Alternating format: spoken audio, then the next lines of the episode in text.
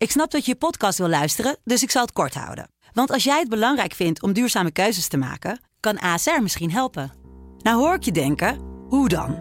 Nou, bijvoorbeeld bij het duurzaam herstellen van schade. Of de premies die we beleggen volgens ons duurzaam beleggingsbeleid. Dat bepaalt waar we wel en juist niet in investeren.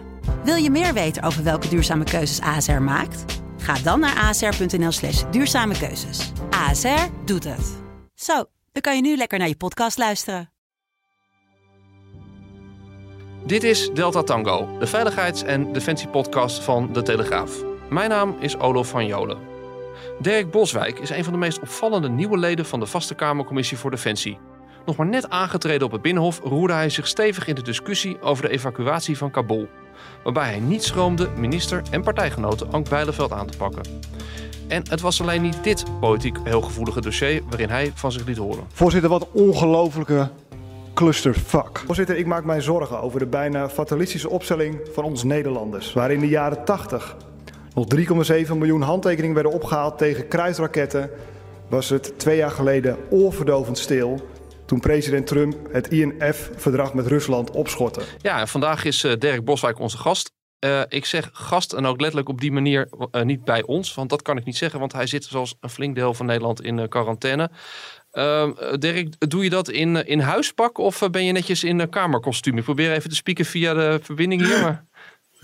Uh, ik doe dat uh, in een huispak, eerlijk gezegd. Maar het, het, is iets, eh, ik kan ook zeggen, het is iets ertussenin. Het is wel, het is wel netjes, ja. Ja, het, het, ja, het, kan, het kan nog net. Het kan nog net. Het is geen, geen tijgerprins of zo, dat, nee, uh, dat niet. Geen driedelig grijs, maar, en ook geen tijgerpak. Het, het, kan. Nou, en, en, je hoorde er al lachen op afstand is ook bij me Elif Issetman, mijn collega van de parlementsredactie die daar alle defensiezaken volgt. Goedemorgen Elif.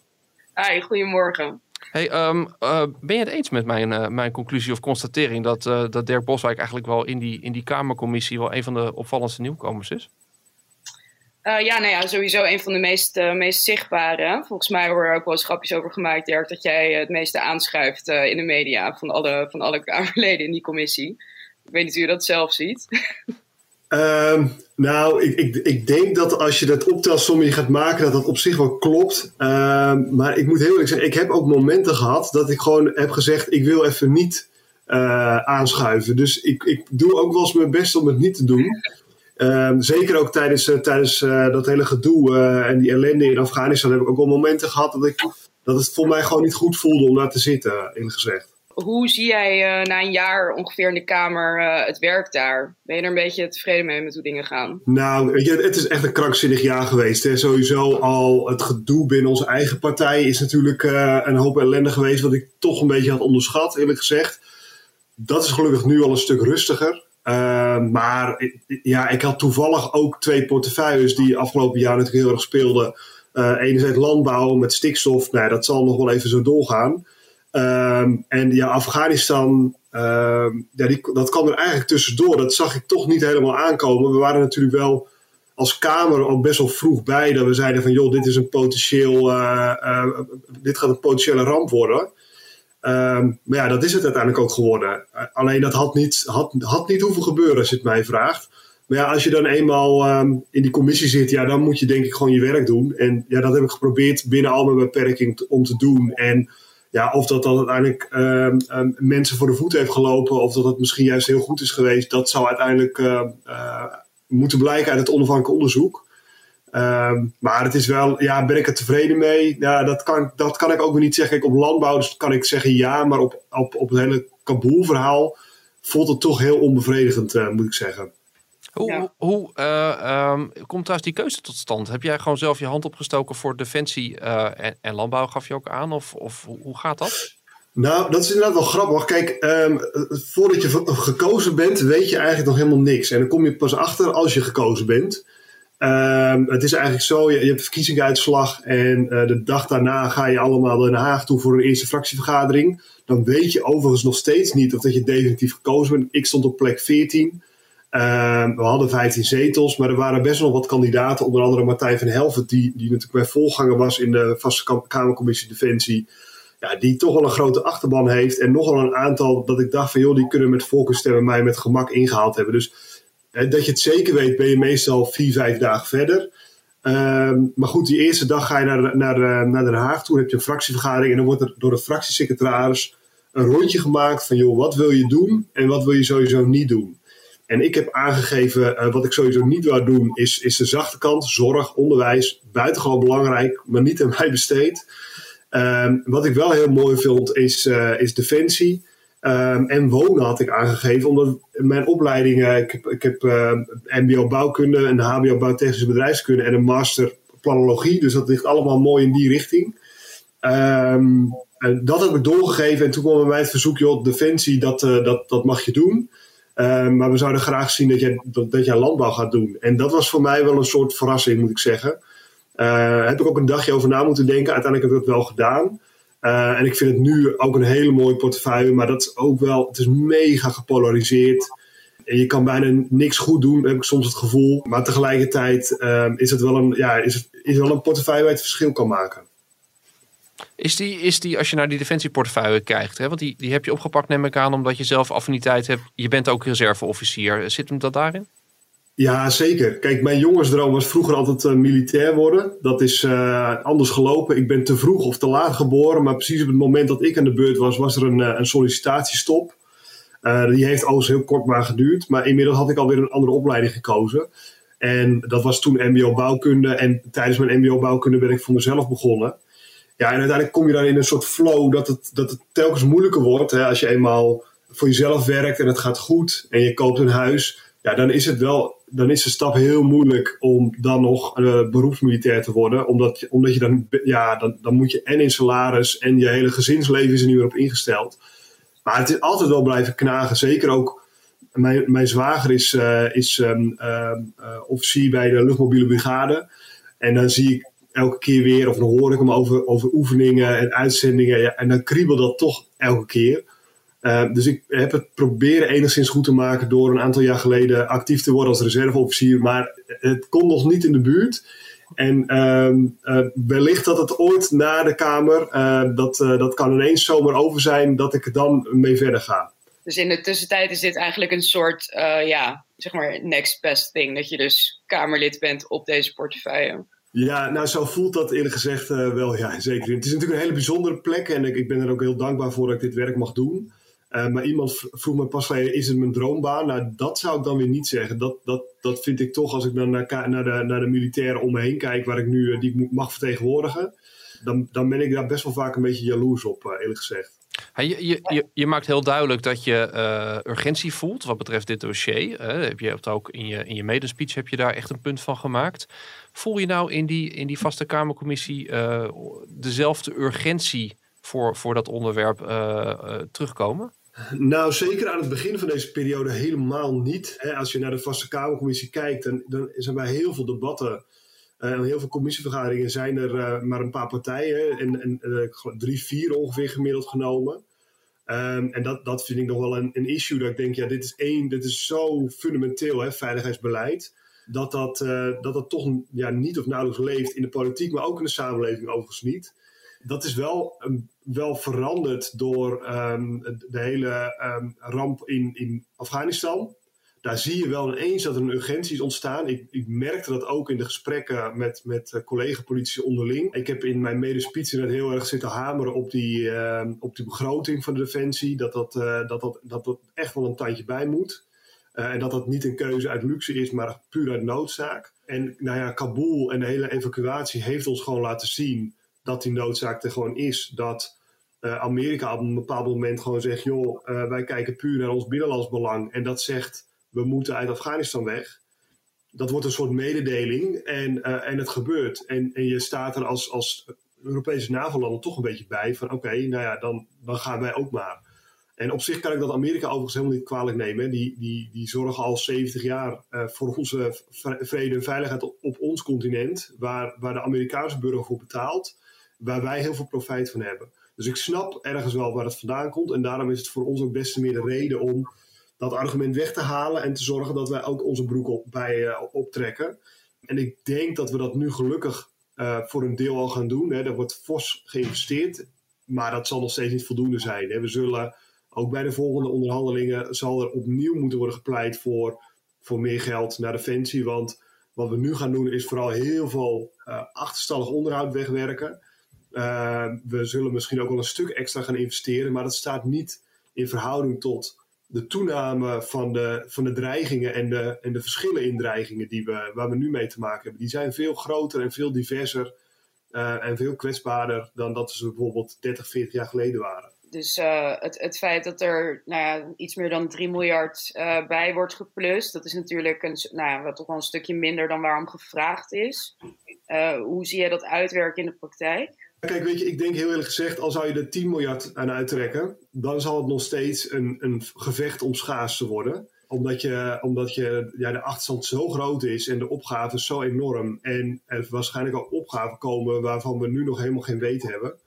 Uh, Oekraïne en Rusland speelt natuurlijk al een hele lange tijd. Maar ik denk dat het niet heel veel mensen uh, vier, vijf maanden geleden hadden verwacht dat dit alweer meteen uh, het volgende item zou worden. En we hebben ook geen idee wat het over vijf, zes maanden weer gaat zijn op misschien een hele andere plek uh, rond Europa. Uh, dus die 3 miljard die zal echt wel goed besteed gaan worden. Die, ik ben blij dat dat er komt. Hè. Het is ook wel een hoop geld. Maar het is inderdaad nog steeds niet voldoende. Dus wij zullen over, over drie jaar zal er opnieuw flink moeten worden gepleit. En ik zal het in de tussentijd ook blijven doen. Om toch uh, ons aan die 2% NAVO-norm te houden. En stel dat we dat zouden doen, dan is die 2% nog steeds niet genoeg. Ehm, kijk, we hebben die defensievisie. Hè, die, die, die zegt zelf ook, hè, dit zijn alle mogelijkheden die er zijn. Ehm, ja, weet je, dan, dan kom je in het uiterste geval, ik geloof ergens richting de 17 miljard. Ja, dat, is, dat gaat nooit gebeuren. Dus dan moet je gaan kijken van oké, hoe kunnen we ehm, misschien ook met buurlanden uh, nauwer gaan samenwerken. En dat, dat staat gelukkig ook in het coalitieakkoord. Dat is overigens niet een Europees leger. Dat is hè, voor, voor, onze CDA is de NAVO is echt de hoeksteen van al ons uh, buitenlands beleid en van ons veiligheidsbeleid. Uh, maar je kan bijvoorbeeld wel gaan kijken hoe kunnen wij op bepaalde gebieden wat meer samenwerken met de Duitsers, zoals we dat nu al doen. En misschien wat meer gaan samenwerken met de Belgen en de Fransen. Maar om, om, een, ehm, beetje, om een beetje contrast te geven. Hè, bij het ministerie zelf zeiden ze uh, gisteren zelfs tegen me van ja, um, toen ik daar nog eens naar vroeg. Uh, ik, ik wil graag hierover doorpraten met de commandanten strijdkrachten. Hè, want die hebben natuurlijk toch, de militaire top heeft best wel een grote broek aangetrokken. Die hebben, heeft, uh, heeft gezegd 4 miljard is de ondergrens aan alles minder is gewoon te weinig. Nou, ja. nou zijn journalisten niet altijd even goed de cijfers. Maar 3 is echt een stuk minder dan 4 miljard. en toen zeiden ja. ze ja, daar heb je absoluut gelijk in. Er, er zullen gewoon keuzes gemaakt moeten worden. Uh, en volgens mij is dat uh, uh, eufemistisch politiek jargon voor. het mes moet erin. Ehm, dus er komt een, een nota aan maart, april, begrijp ik. Waarin gewoon gezegd gaat worden: van ja, we, zullen van, om, om verder te kunnen bepaalde dingen moeten gaan afstoten. Ik bedoel, hoe, hoe verkoopbaar is dat eigenlijk nog op dit moment? Nee, ik, snap dat dat gek klinkt. En tegelijkertijd moeten we ons ook realiseren dat, dat onze krijgsmacht een andere krijgsmacht is dat die eh, 30 jaar geleden was toen wij nog uh, dienstplicht hadden. Um, en, maar waar we bijvoorbeeld ons, ons leger voor een groot deel nog wel op ingesteld. Dus als kijk je naar het aantal kazernes dat we bijvoorbeeld hebben. Um, nou ja, je, dus ongetwijfeld wel eens een aantal bezocht hebben. Daar, staat gewoon enorm veel leeg. Allemaal panden die wel moeten worden onderhouden, die allemaal moeten worden verwarmd. Um, en daarvan kan je echt wel gaan zeggen van, joh, daar kan onder andere best wel het mes in. Zo kan je ook wel kijken naar het wagenpark. Hebben we alles nog wel in zoveel fout nodig? Um, en dat klinkt een beetje gek, omdat je natuurlijk zegt, ja, we moeten een vuist maken tegenover Rusland. Uh, maar dat, dat zal voor een deel een andere vuist zijn dan wij gewend zijn. Hè? Je zal veel meer moeten gaan kijken naar, naar cyber. Uh, je zal veel meer moeten gaan kijken naar, naar samenwerkingen met een met, met je buurlanden om, om gezamenlijke vuist te maken. En ik, ik zeg er nog steeds bij, je hebt nog steeds een keihard leger nodig, gewoon van, van staal.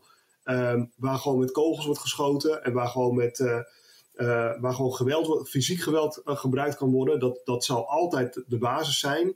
Maar die verhouding gaat wel anders zijn, omdat ook de um, dreigingen anders gaan worden dan dat ja, wij zijn. Tegelijkertijd, tegelijkertijd zijn er natuurlijk NAVO-rapportages waarin gewoon keer op keer wordt gezegd van jullie leveren te weinig. En inderdaad ook, uh, jullie leveren ook te weinig als het bijvoorbeeld gaat om, om, uh, om, om, om, strijdkrachten op land. Gewoon te weinig landmachteenheden, te weinig uh, zwaar materieel. het is gewoon niet goed genoeg. toch hoor ik ook al wel suggesties, gaan er geruchten, dat er ook in die, in die, aan die landmachtkant nu wellicht gewoon gesneden weer gaat worden. Nou, kijk, zover zijn we nog niet. Ik, ik moet dat. Uh, er zijn wel, weet ik wel, wel wat, wat politieke partijen die zeggen: joh, uh, richt je alleen nog op de, op de marine en misschien de luchtmacht. Um, nou, zover wil ik zeker niet gaan. Um, ik denk namelijk dat je altijd, uh, en inderdaad, de NAVO vraagt dat ook, dat we ook altijd een, een sterke landmacht nodig hebben. maar ik denk dat je echt wel kritisch kan gaan kijken dat we alles nog zo moeten hebben zoals we dat nu hebben. Ik denk dat je, dat, dat onvermijdelijk is, dat het ook los van de geldvraag, want dat is altijd tekort. Um, maar ik denk dat je dat wel, uh, gezien de verschillen, de, de, de, de verschillen aan dreigingen die we gaan krijgen, dat je, dat, dat je daar wel kritisch naar moet gaan kijken. En, um, en dat je ook moet gaan kijken hoe kan je dat gewoon veel beter gaan combineren. En dat zien we bijvoorbeeld met die, uh, uh, met die, die tanks, Duitse tanks, waar wij onze mensen op zetten. Uh, dat klinkt natuurlijk gek. Dat, hè, het liefst zou ik ook onze eigen tanks gewoon hebben. Uh, het liefst nog de aantal die wij, uh, die wij 20 jaar geleden hadden. maar de realiteit is gewoon, ja, is, dat, is dat nog logisch dat wij dat allemaal zelf, zelf hebben? Um, gaat het volgende conflict gaan zullen ze dan ook echt nodig hebben? Dat is ook zeer de vraag. Is er toch misschien te lang, is, is, er, is er toch misschien te lang niet echt een, een heldere visie geweest? Anders dan een visie van we blijven het allemaal een beetje doen zoals we het altijd al gedaan hebben en overal plak je af. Exact. Nou ja, kijk, ik denk dat het probleem van Defensie is, en daar zijn we overigens nu een klein beetje van af. Toen tien jaar geleden werd gevraagd aan de, uh, aan de militaire top: jongens, jullie hebben, uh, er moet even, wat geld vanaf. Dan werd dat gewoon gedaan. Hè? Die can-do-mentaliteit die is ontzettend goed, enorm belangrijk. maar dat kan, in, in, kan je ook tegen gaan werken als jij op een bepaald moment niet gaat zeggen: ja, maar jongens, als we dit gaan doen, dan betekent dat dat wij zo meteen uh, ja, dat, onze, dat onze krijgsmacht onze hoeven gaat. Ik denk dat wij uh, te lang als politiek hebben bezuinigd op defensie. Maar dat dat ook komt doordat Defensie heel vaak heeft gezegd: oké, uh, u roept, wij draaien. Gelukkig zien we daar inderdaad nu wel echt een, een verandering in. En dat voor, het, voorbeeld is natuurlijk de, de vier operationeel commandanten die natuurlijk met dat, met dat stuk in de krant kwamen: joh, er moet 4 miljard bij. Um, ik denk dat dat, dat dat al een goede trendbreuk is. Uh, ik zie bijvoorbeeld anderen hebben, bijvoorbeeld de politie die lobbyt, bij mijn collega-Kamerleden lobbyt gewoon voor meer geld. Ik zie dat bij militairen toch altijd, is er toch wel een soort, uh, nou ja, nog een soort ge gereserveerdheid en doen ze alles via de officiële kanalen. En dat snap ik, die zijn super gezagsgetrouw, maar soms is dat niet heel efficiënt. Um, uh, maar ik, ik, zie daar nu wel een trendbreuk in en ik denk inderdaad dat het een terecht punt is wat je zegt dat er altijd heel erg gekeken van, joh, uh, we hebben gewoon een krijgsmacht zoals we hem in de jaren 50 hebben uitgevonden na de oorlog. Um, en we hebben een knop, en dat is puur de financiële knop. En we, gaan, en we kijken niet zozeer naar uh, wat de dreigingen zijn en moeten we misschien fundamenteel onze krijgsmacht gaan veranderen. Um, en tegelijkertijd denk ik dat je, dat je helaas altijd, hè, praat het niet goed, maar helaas loop je altijd achter op de, op de dreigingen die er zijn. Daar moet je altijd meteen weer op, op aan zitten passen. Ik denk dat dat ook meespeelt. Uh, maar ik denk dat we nu gewoon een combinatie van zien. Dat we uh, hele grote, snel opvolgende dreigingen zien. Uh, nieuwe dreigingen.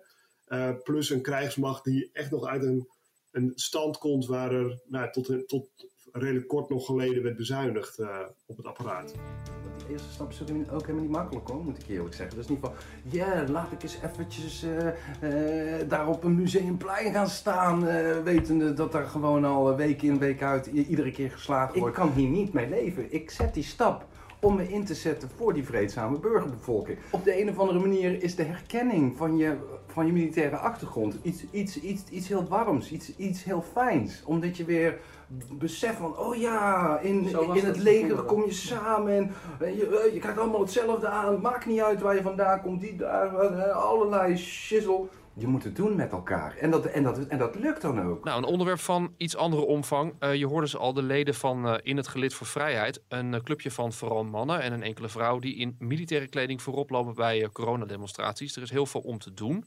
Um, gisteren nog is er door de commandant der strijdkrachten gezegd... dat hij dit echt heel erg ongewenst vindt. en het is ook iets waar jij je erg boos over maakt of druk over maakt. waarom? Nou, weet je, laat me, laat me eerst zeggen dat um, als mensen willen gaan demonstreren en het ergens niet mee eens zijn, moeten ze dat vooral gaan doen. Uh, mits die demonstratie natuurlijk is toegestaan. Uh, maar ik denk dat dat een, grondrecht is en daar moet vooral iedereen gebruik van maken. Alleen, uh, dan moet je je wel altijd aan de regels houden. En die mensen die hier gaan demonstreren, die dat met, met militaire emblemen, militaire herkenningstekens doen, die overtreden gewoon een aantal wetten die wij met elkaar hebben afgesproken. En daar kan je het niet mee eens zijn, maar dat zijn ze nu eenmaal. En ik vind juist militairen en veteranen die ehm, zijn opgeleid om onze wet en onze grondwet te verdedigen, die die ook moeten kennen, uh, dat zij zich ook aan die wet moeten houden. En ja, daarom frustreert het mij gewoon dat een aantal mensen daar toch lak aan hebben. En toch uh, dat uniform aantrekken en aan zo'n demonstratie mee gaan doen. Want uh, het geeft namelijk de indruk dat als jij zo'n uniform aantrekt, uh, dat je een soort legitimiteit geeft aan de demonstratie waar jij aan deelneemt. En we hebben allemaal gezien wat er in die demonstratie, demonstraties worden meegedragen. Mee, prinsenvlaggen, holocaustvergelijkingen. Uh, allemaal symbolen waar je als, als burger, maar helemaal niet als krijgsmacht mee geassocieerd wil en moet worden. Dus dat stuit mij tegen de borst.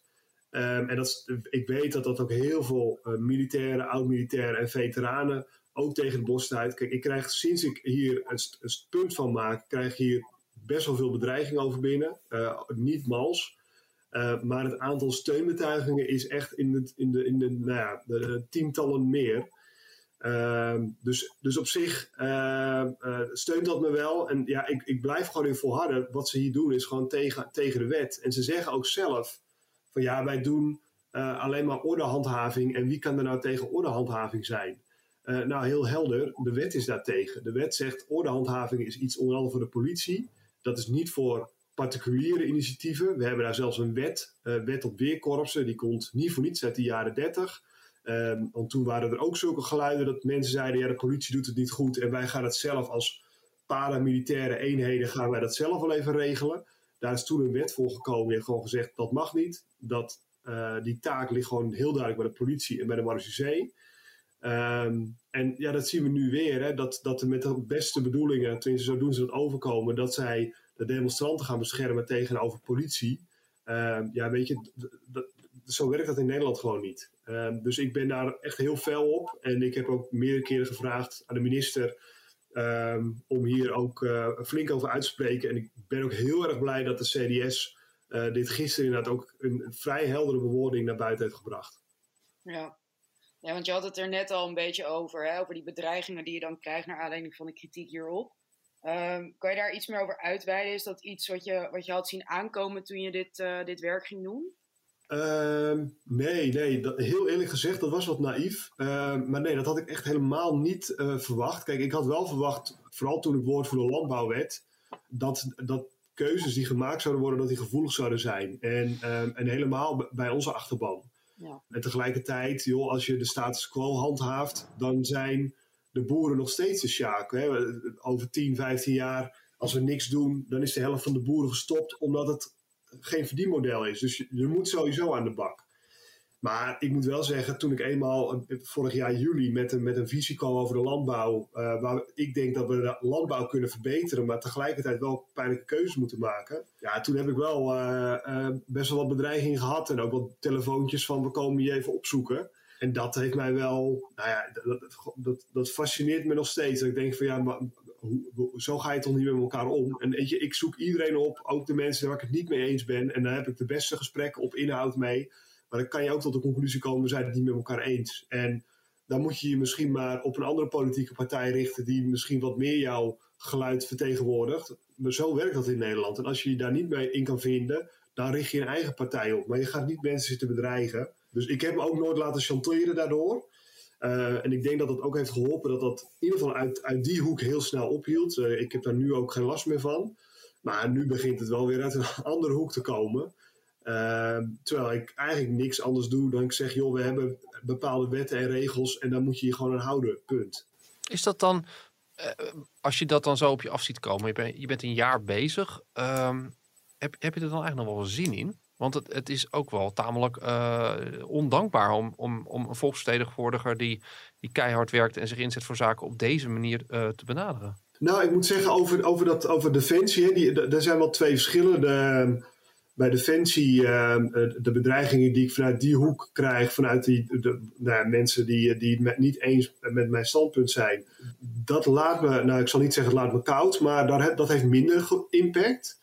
Omdat ik weet dat ik word gesteund door, door duizenden andere mensen die, dat, die, daar, die zich helemaal groen en geel ergeren. Ik moet zeggen, bij landbouw vind ik het, vind ik het ingewikkelder, moet ik zeggen. Want ik, daar doe ik echt mijn best om juist perspectief voor die landbouw. En de landbouw is echt niet geholpen door makkelijke one-liners. En dat is wat we wel continu zien. En we zien de mensen die dat roepen, die, die, die gaan eh, als een raket in de peilingen. Ehm, maar ik, ik weet gewoon dat, je, dat dat gewoon allemaal niet waargemaakt gaat en kan worden. En dat stoort me dan heel erg, dat ik dan ja, toch boeren boos, gefrustreerd aan lijn krijg. Uh, dat ik denk, ja, maar en als je dan eenmaal met elkaar een paar minuten doorpraat, dan komen ze vaak ook tot de conclusie van, oh nee, je hebt inderdaad wel een punt. Uh, wat, wat zo geroepen wordt, dat kan helemaal niet. Uh, maar het is voor mij ondoenlijk om, de, om 40, 50.000 boeren te gaan zitten bellen. En dat frustreert mij wel heel erg. Uh, dat je je helemaal het vuur uit sloffen loopt. Uh, dat je probeert uit die makkelijke one-liners te komen. En dat je, hè, dat zijn vooral technische opgaven waar we voor staan, die zijn ingewikkeld. Die passen niet in een tweet. Um, uh, je doelt daarmee op Caroline van der Plas, hè? laten we dat even benoemen. Ja, onder andere. En dat vind ik wel, uh, en, en dat frustreert me. Weet je, communicatief zijn die partijen gewoon veel beter dan dat ik ben. Maar dat komt ook als jij, jouw boodschap gewoon simpel is. Uh, de boeren krijgen overal de schuld van en de rest hoeft niks te doen. Uh, ja, dat wordt natuurlijk heel goed opgepakt. Um, terwijl dat, ja, als je gewoon kijkt naar, naar, de, wetenschappelijke onderbouwing, je kijkt gewoon naar uh, ook heel veel boeren die dat wel realiseren, die zijn er, die zijn ook heel veel. Um, maar dat is toch, toch altijd een genuanceerdere boodschap dan die zij brengen. En genuanceerde boodschappen doen het niet zo goed, uh, helaas. Terwijl we het wel keihard nodig hebben. Ja. En dat is, dat is echt super frustrerend. Dus dat, op dat dossier heb ik wel, uh, wel af en toe wel eens dat ik denk van joh, uh, zak er allemaal maar in en, en, en, zoek het allemaal maar uit. Maar dat, is, dat, dat heb ik al een paar seconden en daarna denk ik van nee, we gaan gewoon stug door. maar het is wel frustrerend, dat zeker, ja.